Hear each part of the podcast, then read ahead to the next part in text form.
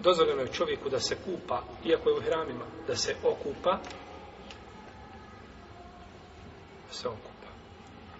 Iako ne bi džunup, od džunupluka svakako mora se kupati, protiv ne može klanjati. No međutim nije čovjek džunupalo u hramima, išao, tavafio i nakon tavafa, jeli čovjek se po prirodi oznoji, jeli, pa mu lijepo dođe osvježenje da se istušira, nikakve smetnje nema u tome.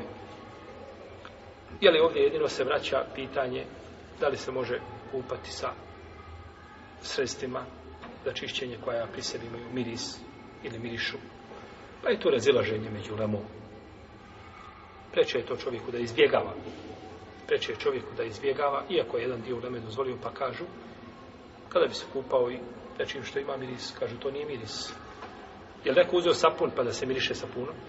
Ili šampon stavi na kosu da, da miriše i iziđe na polje? Kažu, to nije miris, to je sredstvo za čišćenje. Iako pri ima šta? Miris, no međutim nije to, ne kaže se da šampon da je miris, nego je to šampon, jer sapun je sapun. Ne mislim da sapun ono je što je kao kocka za miris, ne. Nego mislim znači sapun sredstvo za čišćenje, za... U svakom slučaju to je preče izbjegavati. Znaš što danas ima, znači ti sapuna koji nemaju mirisa i tako dalje, preče izbjegavati. A kategorički tvrd je zabranjeno, to je pitanje oko koga treba možda posebna analiza i posebno ispitivanje. E, prenosi se da se jedne prilike Abdullah ibn Abbas i Misvor ibn Mahreme razišli po pitanju kupanja, odnosno pranja glave kada je u pitanju a, mohrim. Pa je rekao, El Misvor ne može, kaže Ibn Abbas može, pa su poslali jednog čovjeka koji se zvao Abdullah do Evo juban Sarija. Pa su ga upitali, pa je potvrdio ono što rekao Ibn Abbas, pa je rekao El bi tako mi Allaha, neću se nikada više raspravljati s tobom. Znači, neću se nikada više raspravljati s tobom. Pa je prihvatio, znači, mišljenje Ibn Abbas. I došlo je kod Beheke u njegovom sunanu, da je Omar, radijallahu ta'ala anhu, rekao Ibn Abbasu, Ta'al ubaqik ilma, ejuna atvalu nefesen.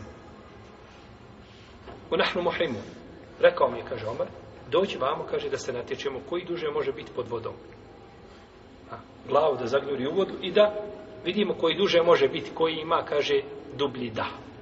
Ejuna atvoru nefesen, koji ima dublji da, da vidimo koji više može pod vodom. A kaže, bili smo šta u i hramima.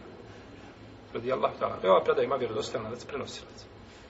Pa je dozvoljeno, znači, možemo kako da opere glavu, tako da se istušira, nikakve smetje nema u tome i to je čak u nekim slučajima pohvalno, znači, jer čovjek kada ide, znači, na namaz, našto gdje se okuplja veći broj muslimana, treba biti, znači, u najljepšeg, znači, izgleda, znači, kako odjeća, tako njegovo tijelo da budu čisti.